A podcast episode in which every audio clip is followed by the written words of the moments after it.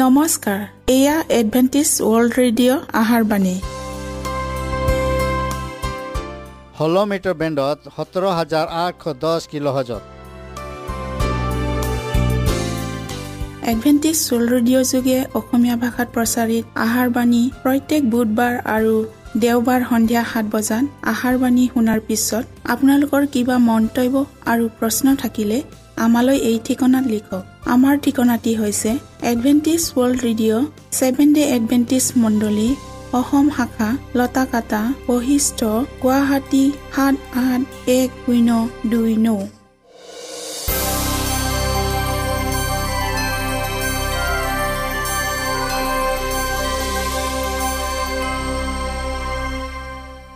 প্ৰিয় শ্ৰোতা বন্ধুসকল এতিয়া শুনো আহক এটি খ্ৰীষ্টীয় ধৰ্মীয় গীত।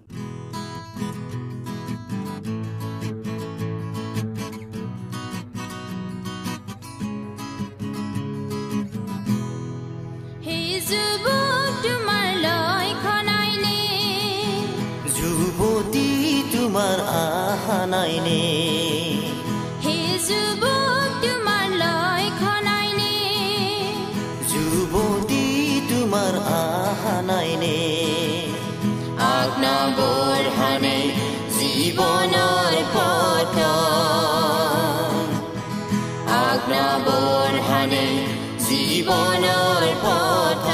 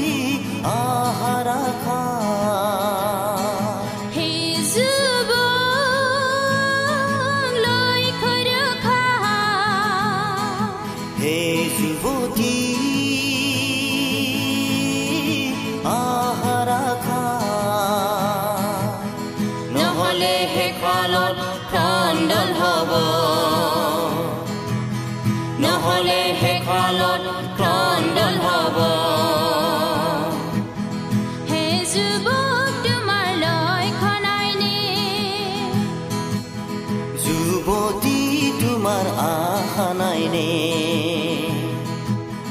হে যুৱক তোমাৰ লক্ষণাইনে যুৱতী তোমাৰ আহা নাইনে আজ্ঞাবৰ হানে জীৱনৰ পথ। আজ্ঞাবৰ হানে জীৱনৰ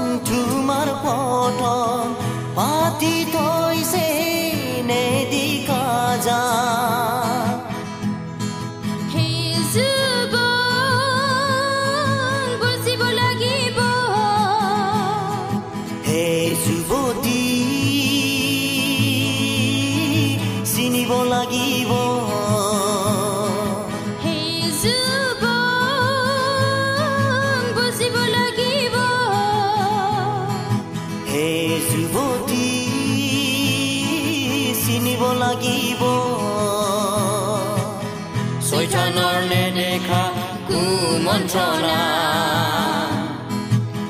Soy tanoleneka kumontrona.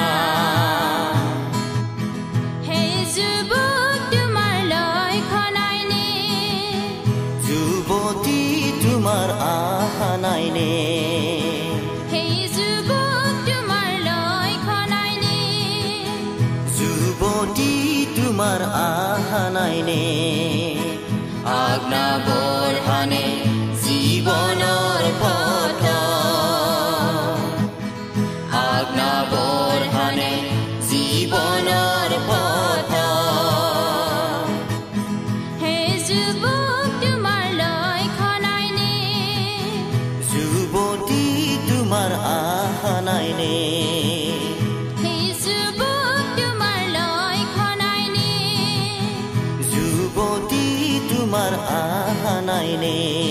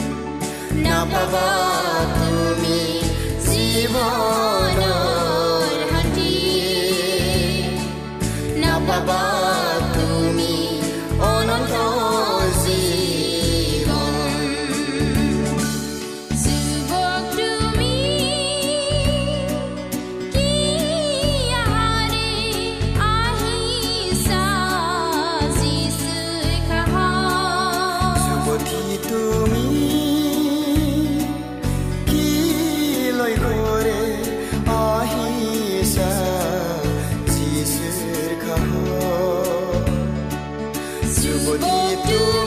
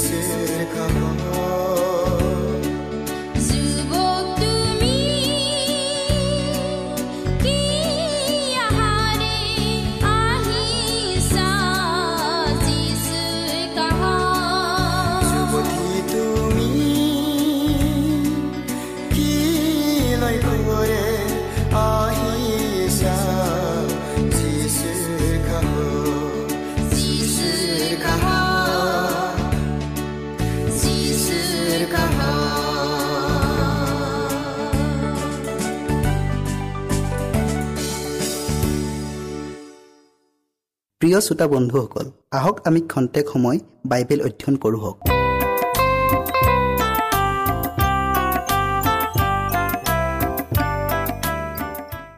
আজিৰ আমাৰ বিষয়টি হ'ল অতি সংকটময় সময় আমাৰ ওচৰত। বাইবেল পতি লোৱা হৈছে প্ৰকাশিত বাক্য সাত অধ্যায়ৰ এক পদ। তাৰ পাছত পৃথিৱী বা সাগৰ বা কোনো গছৰ ওপৰত বতাহ যেন নবলায়। এইকাৰণে পৃথিৱীৰ চাৰি বায়ু ধৰি পৃথিৱীত চাৰি চুকত থিয় হৈ থকা চাৰিজন স্বৰ্গদূত দেখিলোঁ।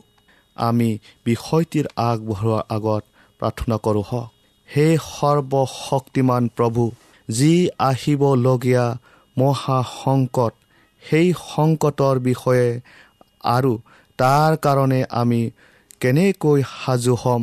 তাক জানিবলৈ প্ৰতিজন আশাৰ বাণী শুনোতাসকলৰ জ্ঞান চকু মুকলি কৰা। যীশুৰ নামত আমেন। চাৰিজন মহাশক্তিশালী স্বৰ্গদূতে চাৰি বায়ুক এতিয়াও ধৰি ৰাখিছে। ভয়ানক ধ্বংস সেইকাৰণে এতিয়াও সম্পূৰ্ণকৈ অহা নাই। এই বায়ুৰে দেশসমূহক পৰস্পৰে পৰস্পৰক লগত যুঁজ কৰি মৰা মৰি কটাকটি কৰিবলৈ উত্তেজিত কৰি তুলিব। কিন্তু আনহাতে যেতিয়া এই দূতসকলে চাৰি বায়ুক ধৰি ৰাখি পৃথিৱীত প্ৰৱেশ কৰিবলৈ নিষেধ কৰিব তেতিয়া ছয়তানে পূৰ্ণ শক্তিৰে নিজৰ ভয়ানক অভিসন্ধি চৰিতাৰ্থ কৰিবলৈ ঈশ্বৰৰ দাসৰ ওপৰত আক্ৰমণ চলাব। যেতিয়ালৈকে ঈশ্বৰৰ দাসসকলৰ ওপৰত তেওঁৰ চাপ মৰা শেষ নহয় বৰ্তমানৰ সময়ৰ চিনবোৰে ইয়াকে প্ৰমাণ কৰিছে যে ঈশ্বৰৰ সোধ বিচাৰৰ ইতিমধ্যে আৰম্ভ হৈ গৈছে। আৰু খ্ৰীষ্টৰ আগমনৰ কাল অতি ওচৰ হ'ল। দৈনিক বাতৰি কাষতে এইটোকে ইংগিত দিছে যে অতি সোনকালে এক ভয়ানক সংঘৰ্ষ সংঘটিত হ'ব। ভয়ানক চুৰ ডকাইতিৰ কাৰ্য আজি সঘনে হ'ব ধৰিছে। ধৰ্মঘট আন্দোলন আদি স্বাভাৱিক ঘটনাক পৰিণত হ'ল। চুৰ কৰা নৰহত্যা আদি কাৰ্যবোৰ সকলো ঠাইতে সংঘটিত হৈয়ে আছে। পুৰুষ মহিলা আৰু সৰু ল'ৰা ছোৱালীসকলৰ জীৱন ছয়তানৰ দ্বাৰা চালিত লোকসকলে নষ্ট কৰিয়ে আছে। এই সকলোবোৰ বিষয়ে ইয়াকে প্ৰমাণ কৰিছে যে প্ৰভু অহাৰ দিন ওচৰ চাপিল। ঈশ্বৰৰ আত্মাক প্ৰতিৰোধ কৰা আজি পৃথিৱীত দেখা নাযায়। গৰম বতাহ প্ৰবাহ ধুমুহা ঘূৰণি বতাহ জল আৰু স্থল হোৱা প্ৰাকৃতিক দুৰ্যোগবোৰ এটাৰ পিছত এটাকৈ সংঘটিত হ'বলৈ ধৰিছে। আমাৰ চাৰিওফালে নানা ধৰণৰ লক্ষণ আৰু চিন আগুৰি আছে। এইবোৰে ঈশ্বৰৰ পুত্ৰৰ আগমনৰ বিষয়ে আগজাননী দিছে। এইবোৰ আন আন প্ৰমাণতকৈ অধিক মূল্যৱান। প্ৰিয় শ্ৰোতা বৰ্তমান আমি এনে সময়ত বাস কৰিছোঁ হওক যি সময়ত পৃথিৱীত উদ্ভৱ হোৱা দুখ যন্ত্ৰণা আদিক মানুহৰ কোনো ঔষধে নিৰাময় কৰিব নোৱাৰে। এনেকি সেই অন্তিম মহাপ্ৰলয়ৰ আগে আগে মানুহৰ মিছা কৃতিত্ব মিছা গৌৰৱৰ প্ৰকাণ্ড স্মৃতি স্তম্ভবোৰ চূৰ্ণ বিচূৰ্ণ হৈ ধূলিত পৰিণত হ'ব। যিসকলে মহান সত্যতাৰ পোহৰত থাকিও পাপ কাৰ্যত লিপ্ত হৈয়ে থাকিব তেনে লোকৰ ওপৰত ঈশ্বৰৰ শাস্তিৰ বিচাৰ পৰিব। অগ্নিয়ে দগ্ধ কৰিব নোৱাৰা বুলি প্ৰমাণিত প্ৰকাণ্ড প্ৰকাণ্ড ব্যয়বহুল আট্টালিকা স্থাপন কৰা হ'ব। কিন্তু ঈশ্বৰৰ শাস্তিৰ জুয়ে যেনেকৈ চদম গমৰাক পুৰি ভস্ম কৰিছিল এইবোৰ আট্টালিকাও ভস্ম হৈ ছাই হ'ব। মহাসমুদ্ৰৰ ক্ৰোধাম্বিত হোৱা প্ৰলয়ংকাৰী ধুমুহাবোৰ যেন আহিবলৈ উদ্যত হৈছে। মানুহে এতিয়া নানা ধন সোণ মান মৰ্যাদা গোটালেও সেইবোৰ কচু পাতৰ পানীৰ দৰে হ'ব। কিন্তু উত্তেজনাময় এই কোলাহলৰ মাজতো পৃথিৱীৰ নানা বিভ্ৰান্তিৰ মাজতো এই পৃথিৱীত ঈশ্বৰৰ বাবে কৰিবলগীয়া কাম আছে। কিন্তু প্ৰিয় শ্ৰোতা বন্ধু এই যি সকলো দুৰ্যোগ আহিব তাৰ বাবে ছয়তানে কাক দোষী কৰিব। আপুনি জানানে? বাইবেলৰ পৰা এটা শাস্ত্ৰপদ পঢ়ো হওক। প্ৰকাশিত বাক্য বাৰ অধ্যায়ৰ বাৰ পদটো হে পৃথিৱী আৰু সমুদ্ৰ তোমালোকৰ সন্তাপ হ'ব। কিয়নো ছয়তান তোমালোকৰ তালৈ নামি গ'ল আৰু তাৰ কাল অলপ দেখি সি অতি ক্ৰুদ্ধ হৈছে। যেতিয়া মানুহ জাতিটোৱে ঈশ্বৰৰ ওচৰৰ পৰা দূৰৰ পৰা দূৰলৈ আঁতৰি যায় তেতিয়া সেই অবাধ্য সন্তানসকলৰ ওপৰত নিজৰ শক্তি প্ৰয়োগ কৰিবলৈ ছয়তানে সুবিধা পায়। তেতিয়া সি সুৰ সুৰাই সিহঁতলৈ ধ্বংস আনে। স্থল আৰু জল উভয়তে প্ৰাকৃতিক দুৰ্যোগ হ'ব। অগ্নি আৰু বানপানীৰ দ্বাৰা অঘাত ধন সম্পত্তি আৰু অসংখ্য লোকৰ প্ৰাণ নষ্ট হ'ব। দুৰ্যোগবোৰ আহিব। অতি ভয়ংকৰ দুৰ্যোগবোৰ। অনাকাংক্ষিক দুৰ্যোগবোৰ আহিব। আৰু এই সৰ্বনাবোৰ এটাৰ পাছত এটাকৈ সংঘটিত হ'ব। যদিহে ঈশ্বৰে প্ৰদান কৰা সতৰ্কতাৰ বাণীক মানুহে কাণ দিলেহেঁতেন আৰু মণ্ডলীসমূহে অনুতাপ কৰি ঈশ্বৰলৈ ঘূৰি আহিলেহেঁতেন তেনেহ'লে হ'বলগীয়া আনবোৰ দুৰ্যোগ কিছুকালৰ বাবে নাহিলহেঁতেন। কিন্তু মানুহে যি প্ৰতাৰণাৰ পথত চলি অহৰহভাৱে প্ৰতাৰিত হৈ আছে আৰু ঈশ্বৰৰ বিধানক অৱমাননা কৰি আছে আৰু মিছা শিক্ষাকে মানুহবিলাকৰ মাজত প্ৰচাৰ কৰি আছে সেয়ে সিহঁতৰ চেতনা যেন জাগি উঠে। তাৰ বাবে এনে সংঘত আৰু দুৰ্যোগবোৰ ভুগিবলৈ ঈশ্বৰে অনুমতি প্ৰদান কৰিছে। মানুহৰ দুষ্টতা আৰু অধাৰ্মিকতাৰ ওপৰত নিৰ্ভৰ কৰি আৰু সিহঁতে কি পৰিমাণে সত্যতাৰ পোহৰ লাভ কৰিছিল সেই অনুপাতে সিহঁতৰ বিচাৰ কৰা হ'ব। যদি সিহঁতে পোহৰ পাইছিল তাৰ পোহৰ অনুসৰি সিহঁতক শাস্তি প্ৰদান কৰা হ'ব। ঘটি থকা দুৰ্যোগবোৰৰ সম্বন্ধে ছয়তানে এনেভাৱে ভুলকৈ ব্যাখ্যা কৰিব যে মানুহবোৰে এনে কি মণ্ডলীৰ চলাওঁতাসকলে ভাবিব যে এই দুৰ্যোগবোৰ কেৱল ঈশ্বৰৰ আজ্ঞা পালন নকৰাৰ বাবে আহিছে। প্ৰিয় শ্ৰোতা যি সংকট আহিব লাগিছে আৰু এই সংকট আৰু নানা প্ৰাকৃতিক দুৰ্যোগ আদি হোৱাত ছয়তানে ঈশ্বৰৰ ভক্ত লোকসকলকহে দোষ ধৰিব। এইবোৰ কথা শুনি আপুনি ভয় খাইছেনে? প্ৰভুৱে কৈছে ভয় নকৰিবা কিয়নো মই তোমাৰ সংগত আছো। ঈশ্বৰে আপোনালোকক আশীৰ্বাদ কৰক।